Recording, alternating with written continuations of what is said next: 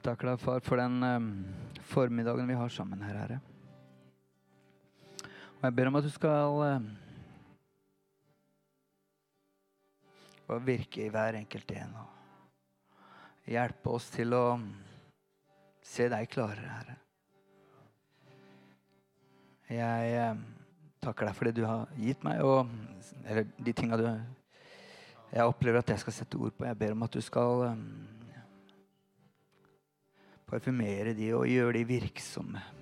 Fordi ditt ord er virksomt, sånn at det kan uh, skape noe i våre liv. Jeg takker deg for det i Jesu navn. Så takker jeg for at du er her nå. Du er her nå. Jeg takker deg for i Jesu navn. Amen. Amen. Dere kan få lov til å sitte. Du, er det ikke Det var en fin gjeng her i dag, var det ikke det? Var det deilig? Ja, skal vi gi dem en applaus, eller? Eh, hva tenker dere? Ja, så bra. Så bra. Nye fjes det er nye, an eller, nye ansikter er vel kanskje et finere ord å bruke. Ja. Um, jeg tenkte um, ja, Det er mye som rører seg på innsida mi i dag, egentlig. Men, um, så jeg skal prøve å unngå alle digresjoner og alt mulig som uh, jeg har lett for å rote meg borti. men um, jeg, jeg, tenkte Vi har en sånn praksis til mandag. det er å være takknemlig eller takke for takke, Bruke tid til å takke Gud konkret for ting som eh, han har gjort eller gjør i livet vårt, eller bare for den han er. Og Jeg tenkte å starte med å mm, sette noe på mm, at jeg, jeg, jeg, er egentlig takknemlig her jeg står. Eh, takknemlig for at dere er her, at dere trossa vær og vind og regn og kommer hit. Det synes jeg, det var veldig spent på når jeg så værmeldinga. Hva, hva skjer her, liksom? Og så er jeg takknemlig for at vi har Bibelen. Fordi nå er vi samlet, altså, Grunnen til at vi er samla her, er jo ikke eh, fordi eh, nødvendigvis det er så kult å reise ut på morgenen eller eh, ikke har noe annet å bedrive tida med på en søndag formiddag. Men det handler om at vi er her av en hensikt, og det er fordi vi, ønsker å være samla rundt Jesus. Og jeg er takknemlig for at dere faktisk er her av den hensikt, av den årsak. Så jeg er takknemlig for alle som gjør det her mulig. Altså, den gjengen her har vært her tidlig. Adam i bua, vertskap som ordner kaffe og fikser og ordner for oss. Eh, Peter som er en klipper på lyd. Det er, det, er, gode folk. Eh, nede i Kids så blir de godt tatt vare på. Så jeg er takknemlig for alle de her som, som er med og bidrar.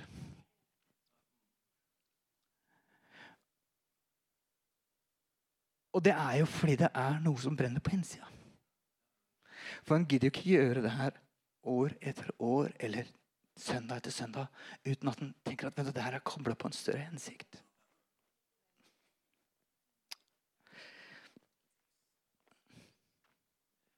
Gir det mening? Mm. Og Det leder meg over på temaet den våren her. For den våren her, eh, og det høres heftig ut når du sier den våren her, så snakker vi om eh, visjonen vår. Um, og I januar så liksom konsentrerer vi oss om den første bokstaven. For Arena er et, slags akronym. Det heter ikke det. det er, jeg fikk en rettelse på det. Hva heter det? Nei, jeg husker ikke. Det er, det er, det er, noe, det er ikke et akronym. ja, men uh, Dere kan google det, hva det er. Uh, sorry, det var en digresjon. Nå gikk jeg inn i en sånn digresjon. altså. Jeg må bare holde meg til det jeg skal si. Nei, men i hvert fall, uh, Den første bokstaven i Arena, det er 'Alltid elsker Gud', er, er det den handler om. Uh, og det Spørsmålet som vi har den måneden her, som vi bruker litt tid på, det er hvordan kan det her se ut? Uh, og Den første søndagen i januar da, hvor vi snakka om det her, så snakka Anne om takknemlighet. Uh, det faktum at det har bivirkninger, at vi, at vi, gir Gud ære og retter blikket mot han og er takknemlige til han, det, det, har visse bivirkninger som er gode for oss. men det er bra for han også, for da gir vi han ære. Eh, og da hadde vi en praksis som jeg liksom håper dere kan innarbeide som mer enn bare sånn januarpraksis, men som en slags livspraksis. Det er å, å være takknemlig. At du bruker et par minutter eh, hver dag til å bare takke Gud for konkrete ting eh, i livet ditt. Og at du eh, ikke minst skriver ned alle de gode tinga som man gjør. Fordi det er så fort at det feider bort, og blir, du glemmer det. Men, men at en skriver det ned har se og hente fram gode minner, gode historier, sånn at en kan bli oppmuntra og, og styrka av det når en trenger det.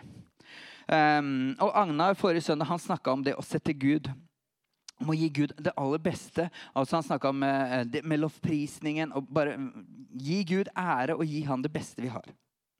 Uh, og Jeg skal snakke om uh, David. Jeg har lansert og jeg har liksom meg ut, jeg har malt meg inn i et hjørne her, for det er et ganske stort tema. Jeg skal snakke om David i Bibelen. Uh, og det er uh, søren heller, altså. Uh, jeg angrer så. Eller jeg, jeg, Problemet er at det er så mye å si om det. så det er liksom ikke det at jeg angrer at jeg har sett på han. For nå har jeg gått fram og tilbake i den historien. Så hvis du vil vite hvor det står om David, så, jeg, kan du snakke med meg etterpå. så skal jeg si noe om det. Men, men, men jeg har gått fram og tilbake i den historien og, og blitt litt kjent med karen. og det har oppmuntra meg noe helt sinnssykt. Og jeg tror hans eksempel er noe vi kan lære av i 2024. Eh, ok, eh, og Vi skal begynne med et vers som eh, er ganske kjent, kanskje. Mm, eller kanskje ikke, men i Apostlenes gjerning kapittel 13 vers 22 så står det Gud reiste David opp som konge for dem. altså det var for Israel da.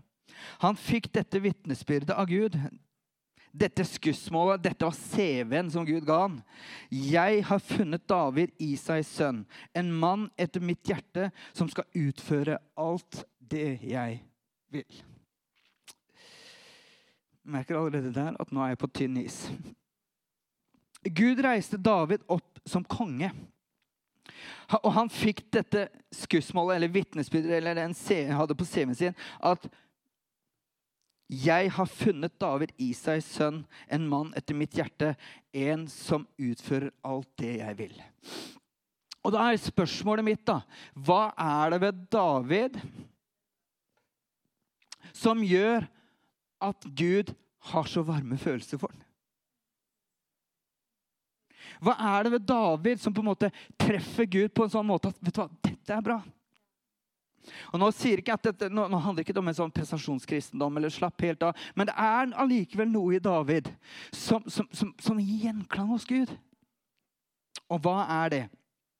Eh, og David er kjent for veldig mye. Altså eh, eh, han, er kjent som lovsangeren framfor eh, noen lovsangere i kanskje verden. Jeg vet ikke.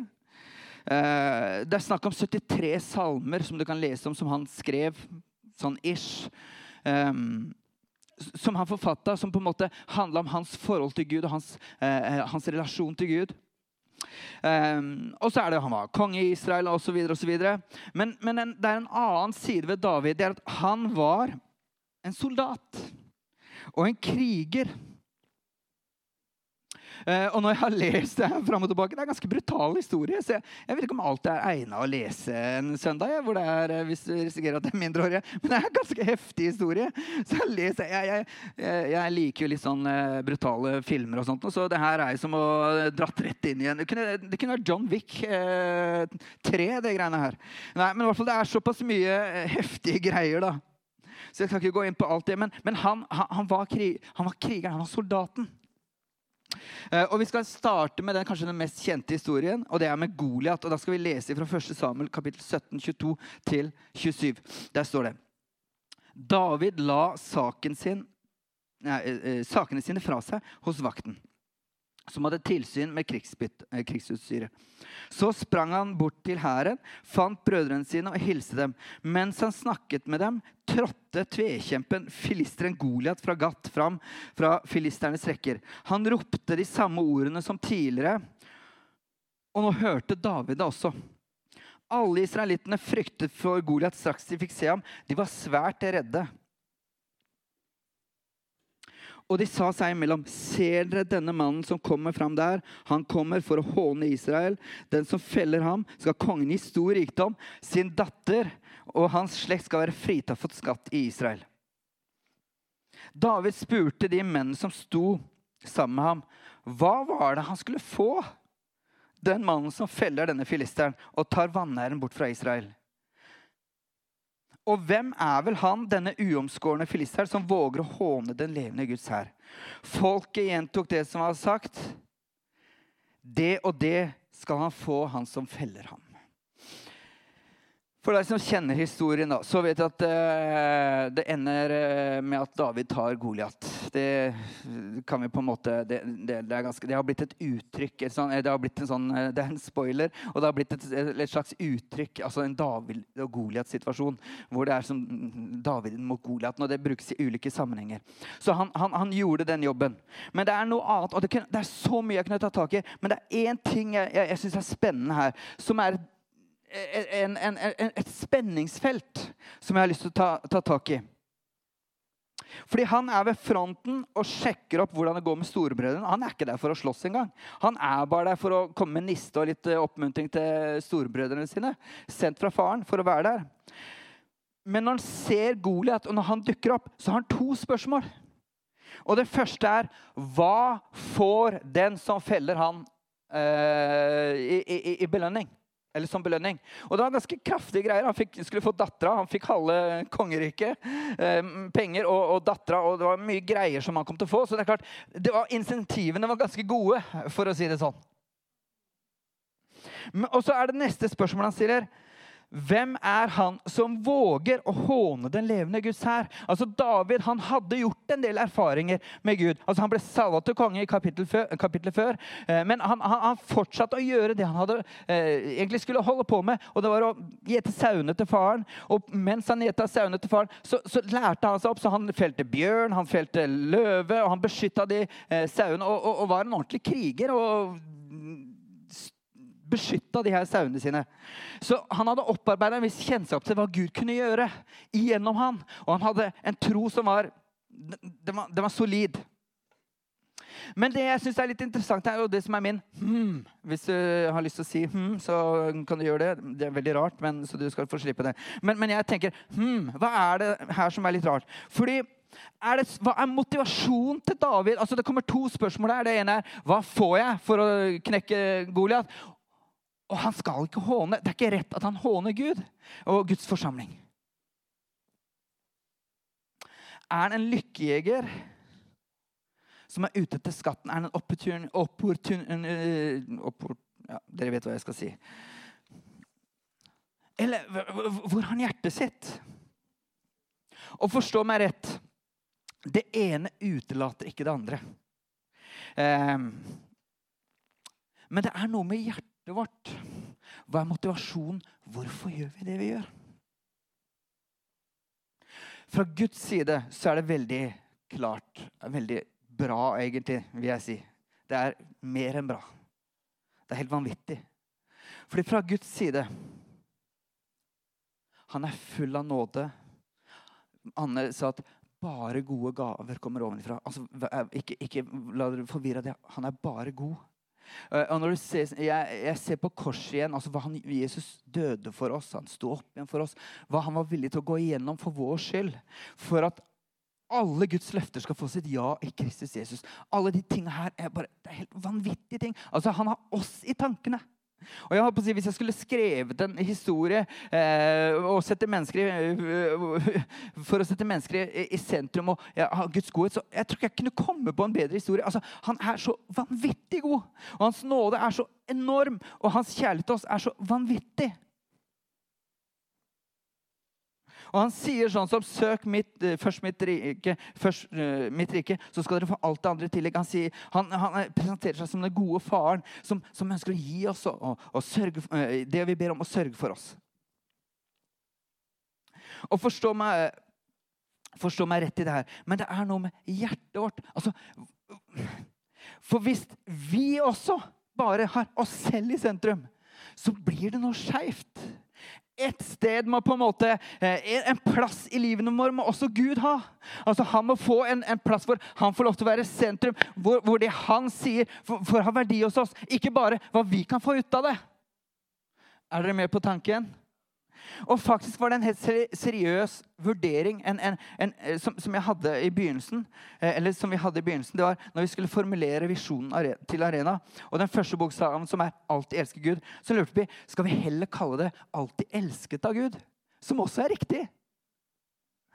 Eh, for det er ganske slitsomt å tenke ja, vi skal elske Gud, og vi skal alltid elske Gud. Og, og, og formuleringa er liksom ja, gi han ære i alle sammenhenger og løfte opp hans navn og eh, reflektere han. Eh, det er, det er, slitsomt. Men du kan si saken er at kirken har altså, Formålet med kirken er jo ikke at vi skal bli herliggjort. Det er jo at han skal bli herliggjort. Det er at han skal få ære. Det er at han skal bli, bli, få den plassen som han fortjener eh, i, i, våre liv og, og i samfunnet rundt oss.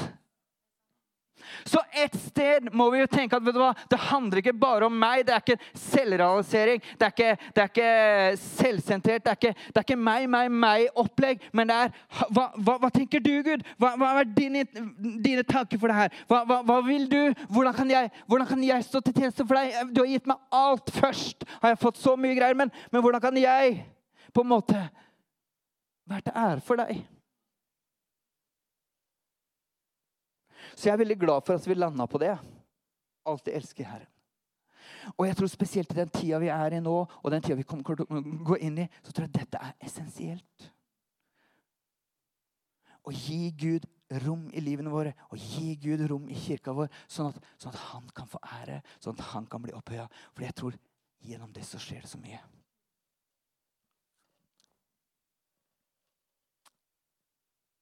Så skal vi tilbake til David. Jeg skal uh, gå innom et par ting. Fordi spørsmålet hva, var, hva var svaret her med David? Hva var motivasjonen hans?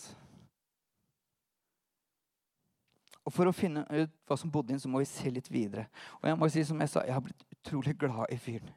Fordi det han fortsetter med og det, det kommer ikke opp på skjermen. Jeg, jeg, jeg, skal bare sitere det. er kapittel 18, når det blar en, en, et ark over, så, så står det noe om om, om hvordan, hva som skjedde etterpå. Og det er et sinnssykt drama. Fordi det som skjer, er at eh, når, når de kommer tilbake fra krigen, så, så, hører Saul, kongen, han hører en sang. Og det er Saul slår tusener. David slår titusener. Og damene synger, og det er musikk, og det er et lovsangsband som kjører den sangen her. Så når, når, eh, når, når, når Saul hører det og ser David, så tenker han å heite, hva er det som har skjedd her? Altså, det var ikke helt det som var planen min. Så det han prøver å gjøre, da, det er du, jeg skal ta livet av han. Så han prøver å drepe David. Eh, og, og, og, og, planen at han, han, må, han må bare fjerne Han har blitt et problem for meg. Eh, og, det som var lovt da, ved dattera, gifter han bort til noen andre. Og så når han eh, da sier at 'jeg har en annen datter som du kan få', hun, også, hun har blitt glad i deg, så du kan få henne isteden, så, så setter han opp en felle for å uh, si at du, du, må, du, må, krige med noen øh, filisterer i mellomtida. Og, og, så når du tar livet av de, så, så skal du få dattera. Og så sender han ut aleine og håper liksom at han blir, blir tatt livet av der. Og så, og så, overlever han det også, så han får jo dattera. Så det er liksom litt sånn kinkig situasjon. Så det som skjer, det er at han blir, han blir fredløs og blir, må gjemme seg for David for Saul. Men hvordan håndterer David det her? Jo, han er fortsatt tjener. Han vil fortsatt bare være der og ære og, og, og, og tjene. Han er kongen. altså Han kunne tatt plassen sin, han kunne liksom krevd retten sin, men han er der fortsatt og tjener. Han leder til og med lovsang for gærningen. Det står det at han, eh, når, når, når, når fyren liksom har, har, problemer For han hadde problemer med noen ånder som plaga han innimellom. Og så Daglig så var David inne med harpa si og spilte lovsang for å gi en lindring. Og Han prøvde å ta livet Han prøvde å kjøre spyd gjennom henne. og Det var liksom veldig greier. For det kan se ut som det var viktigere for David å gjøre det som var rett for Gud, enn å kreve belønningen han faktisk hadde rett på. Så han var villig til å lide gjennom det greiene her. Han var villig til å stå det ut. Han var villig til å eh, tjene. Han var villig til å ære den kongen han hadde, og, og være tjener på tross av.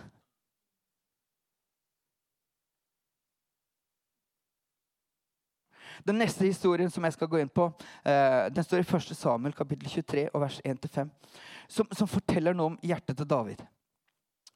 Og der står det David fikk melding om at filisteerne hadde gått til angrep på Keila eh, og plyndret treskeplassene. Da ba han Herren om råd. Skal jeg dra ut og slå disse filisteerne? Og Herren svarte, dra ut og slå filisteerne og befri Keila.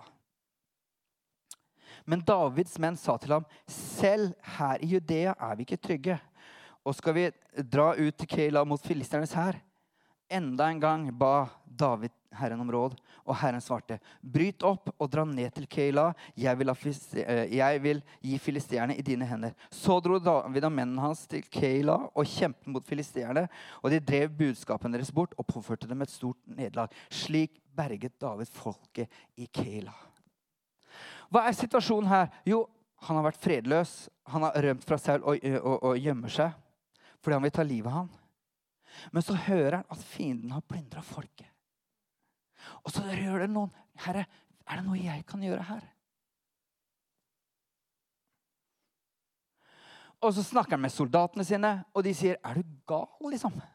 Vet du ikke at eh, da, eh, Saul er ute etter deg, du, du, er fredløs, de er ute etter å ta deg. Og så, velger, og så, tenker du at du skal utsette deg for enda mer fare ved å gå inn i den krigen her og, og, og hjelpe folka dine.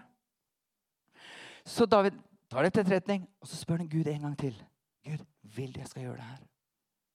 Og så svarer Gud, ja, jeg gjør det. Og så befrir han eh, eh, den treskeplassen. Han, han, han, hjelper det folket. Og det forteller meg vet du hva? Han var villig til å gjøre det Gud ville, selv om han hadde ingenting å vinne på det. Han hadde egentlig alt å tape på det. Han hadde kanskje ikke egentlig, en forpliktelse til å gjøre det engang. Altså han, han tenkte vet du hva, her er det et behov, jeg kan fylle det. Jeg har ingenting å vinne på det. Men Gud, vil du at jeg skal gå inn der? Vil du at jeg skal hjelpe til? Er, er, er, er det her min tur? Og så sier Gud ja. I en mye vanskeligere situasjon enn det vi kan drømme om. Eller forstå hvor vanskelig det her var. Og han sier ja, selv når han ikke kan vinne på det sjøl. I hvert fall på kort sikt. Den neste historien jeg skal ta fram jeg, jeg, Sorry, det er så mange historier, det er så mye greier. Men jeg, går det bra med dere? Er det greit? Dette er bibelutleggende. Dere er med på det? Jeg skulle ønske jeg hadde en bibelskole og kunne bare gå inn. Jeg skulle lese alt sammen for dere. Og så skulle vi tatt hver del fra hverandre og sett vet du hva, dette er helt vanvittig. Den neste uh, historien er i 1. Samuel kapittel 24. Der står det Saul tok med seg 3000 utvalgte menn. Altså Da var det kongen. Eh, Saul. Fin, altså mm, Davids uh, nemesis her, da. Dro, eh, tok med seg eh, 3000 utvalgte menn fra hele Israel og dro av sted og lette etter David og mennene hans øst for steinbukkhammerne. Det høres ut som et eller annet sted oppi Hæ? Det er, er Siljan, det er Steinbukkhammeren oppe i Siljan. Det er en sånn topptur. Hvis du kjører den, så er, det, er du der. Han kom til noen sauekvier. Ja, det, nå er vi i Siljan. det hører vi her. Ved veien. Der var det en hule. Og Saul gikk inn dit for å gjøre sitt fornødne. unnskyld at jeg ler. Det er artig. De, vet du hva? De måtte på do den gangen også. Men inne, innerst inne i hulen så satt David og mennene hans altså, Se for deg her! Her har de, de gjemmer seg for uh, Saul, som skal ta livet av dem. Og så finner de, Her er en hule. Vi stikker inn her. Her gjemmer vi oss. Og akkurat den hula kommer Saul inn for å bomme lomme. det, er, det, er, helt utrolig. Er, vet du hva, De historiene Kan ikke finne på bedre historier. Det er, eh, det er helt utrolig. Ja, nå datt jeg over ja, Bommelomme, ja. Det var bommelomme.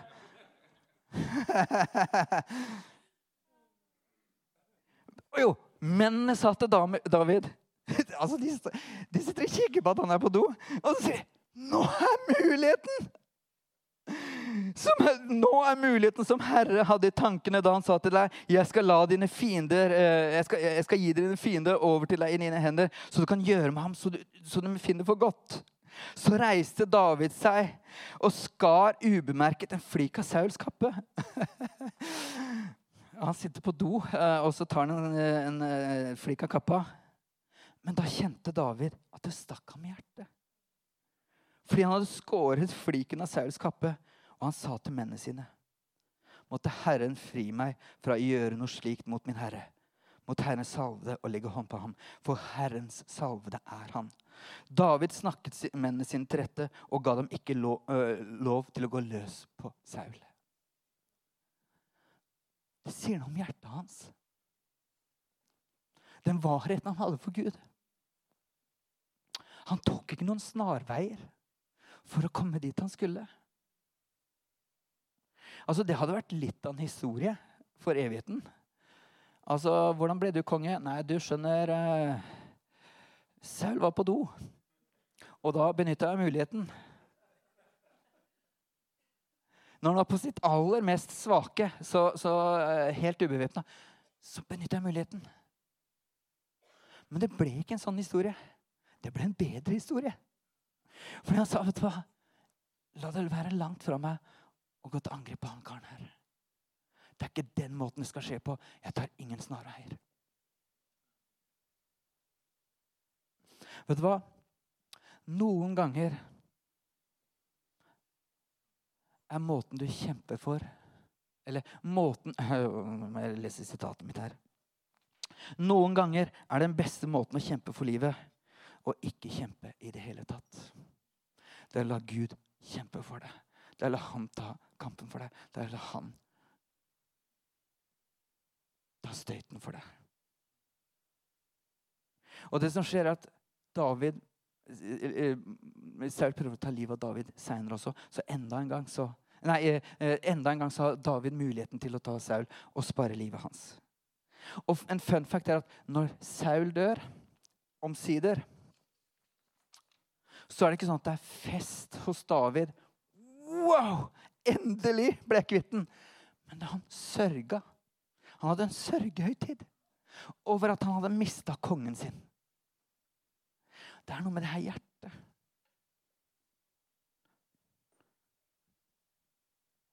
Jeg skal prøve å runde det av for dere. Det er så mye å ta her at jeg kunne, jeg kunne snakka lenge om David. Men jeg håper jeg har fått fram et lite glimt av hva som bodde i hjertet hans. Han ønska å ære Gud, han ønska å tjene Gud. Og gjennom det så kom suksessen hans. Gjennom det så, så løfta Gud han opp. Så Jeg skal lese det verset vi begynte med, en gang til. Der står det Gud reiste David opp som en konge for dem. Gud reiste David opp som en konge for dem. Han gjorde det ikke sjøl. Gud reiste David som en konge opp for dem. Og han fikk dette vitnesbyrdet. Jeg har funnet David i seg sønn mitt, en mann etter mitt hjerte. En som gjør alt jeg vil. Veien fra David ble salvet til konge, til han ble konge, ble ganske tøff. Og, og, og, jeg sier ikke at han var feilfri på noen som helst måte. og det kan dere lese andre historier om David. Han var ikke feilfri, Det er ikke det det handler om. Men det handler om hjertet hans. Hvor han var på vei. Hva han syntes var viktig. Og han kom dit ved å gjøre det Gud ville at han skulle gjøre det. For å si det rett ut, da lydighet. Litt upopulært vers, eller eh, ord i disse dager. Men det handler om Gud, jeg skal gjøre det du vil. Dere kan komme opp. Og Vi snakker om Arenas visjon og hva vi drømmer om da, den våren her. Og Da kan du tenke ja, men hva har det her med, med det å gjøre?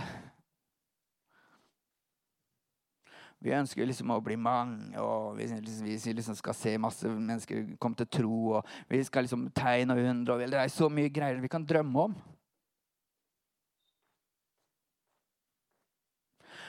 Men jeg tror det handler om, for å komme dit så tror jeg det handler om at vi der vi er nå, gjør det som han har bedt oss om. Det ser heldigvis litt annerledes ut enn for David. Jeg skal slippe, og du skal slippe å måtte gå i noe krig og noe greier. Altså, det er litt annen tid vi lever i. Men prinsippet er det samme. Gi Jesus den plassen han skal ha. I våre liv og i kirka vår. Og jeg vet hva, jeg er hellig overbevist om at det vil ha effekt på de neste bokstavene i arena-akronymet. Det å sette han først, det å ære Gud. Gi han rom i livene våre. Gjøre det han ber oss om. Det åpner så mange dører til så mye bra.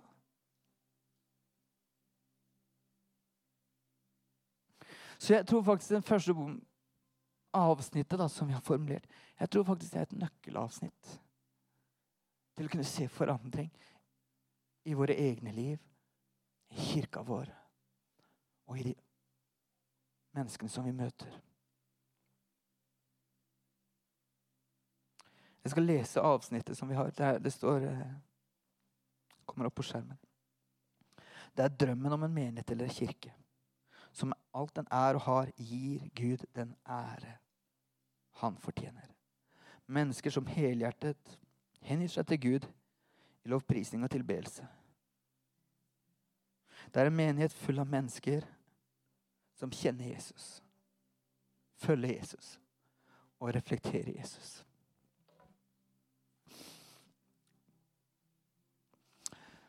Jeg kan tenke, altså Dere snakker om visjonen. vet du hva? Tenk om vi hadde en sånn kirke med mange Jesuser, hvor vi reflekterte Jesus på en god måte. Og nå sier ikke at å ja, et bur liksom, å, 'Nå må du elske Jesus.' Altså, Dette kommer innafra. Det er ikke noe vi kan påtvinge eller kreve. Men det handler om at vi åpner døra for Jesus. La han forandre oss. La han få lov til å prege oss.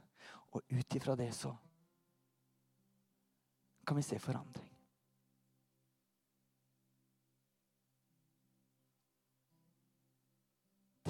En kirke der vi kjenner Jesus. Der vi følger Jesus. Og der vi reflekterer hvem han er til menneskene rundt oss. Det har vært fint. Jeg tror det starter her.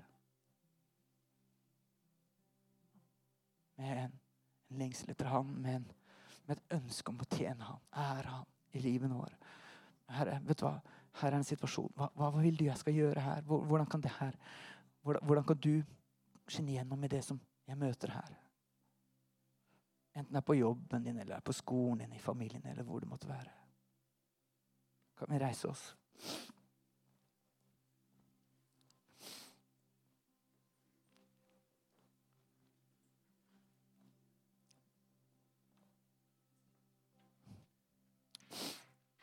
Nå har jeg sett på de historiene igjen, da, så jeg, jeg har liksom et, eh, et mylder av historier som bare popper opp da, i forhold til det her med, med David. Og, og, og, det gir meg det her ja, Jesus, jeg har lyst til å være sånn. Jeg har lyst til å være sånn. Jeg har ikke lyst til å ta snarveier. Jeg har, lyst, jeg, jeg, jeg har lyst til å bare gjøre ting selv om ikke det, for din skyld, selv om ikke jeg har noe egen vinning av det sjøl. Jeg har lyst til å bare være trofast og tjene deg. Si, 'Herre, her er jeg. Bruk meg.' Og Jeg håper det kan være litt av tonen for den, den bokstaven, den månen her òg. Det, det er det det handler om. Gud, her er jeg. Bruk meg. Jeg skal ære deg med mitt liv. Jeg takker deg, far, for din godhet, Herre. Jeg takker deg for din nåde. Jeg takker deg for din enorme kjærlighet. Jeg takker deg for Jesus og korset. Som på en måte Ja Ikke bare på en måte, men som er starten for oss, Herre. At vi ser hva du gjorde for oss, og la det få lov til å og, og, og bare ta imot det og si vet du hva, ja, det gjelder meg. Jeg er ren, jeg er rettferdig, jeg er himmelen verdig. Jeg, jeg er kommet inn i din familie. Jeg, jeg elsker deg. Du, du, du er min far. Du vil meg bare godt. Og jeg ber om at ut ifra det her, Herre skal du vekke et ønske i oss, en lengsel i oss etter å Herre, jeg skal tjene deg. Jeg ønsker å ære deg. Jeg ønsker å gi tilbake til deg og si, Herre, jeg er takknemlig for det du har gjort. Jeg, jeg, jeg, jeg, opphøyer deg for det du har gjort. Hva kan jeg gjøre for deg?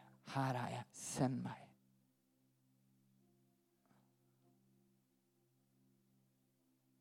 Jeg takker deg for det, Jesus. Jeg takker deg for det. Jeg har ikke noe voldsom avslutning, egentlig. For meg var det egentlig bare fokus på budskapene. Og det, det, er en sånn tyngde over meg som jeg ikke har kjent på lenge. Men hvis det er ting du kjemper med, hvis det er ting du, som er urolig, hvis, er, hvis du trenger å liksom, eh, ta noen beslutninger, så, så, er det et forbønnsteam bak eh, ved, ved kjøkkendøra, holdt jeg på å si. Og de kan snakke med deg, de kan be for deg, de kan oppmuntre deg, de kan styrke deg.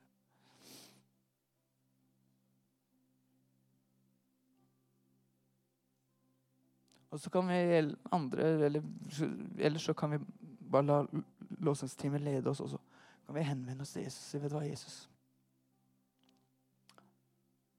At jeg er åpen og ærlig. Kanskje stiller den her, det spørsmålet Herre, her er jeg. Send meg. Hva vil du bruke meg til? Jeg vil tjene deg, jeg vil ære deg med mitt liv. Det hadde vært gøy. Det hadde vært bra.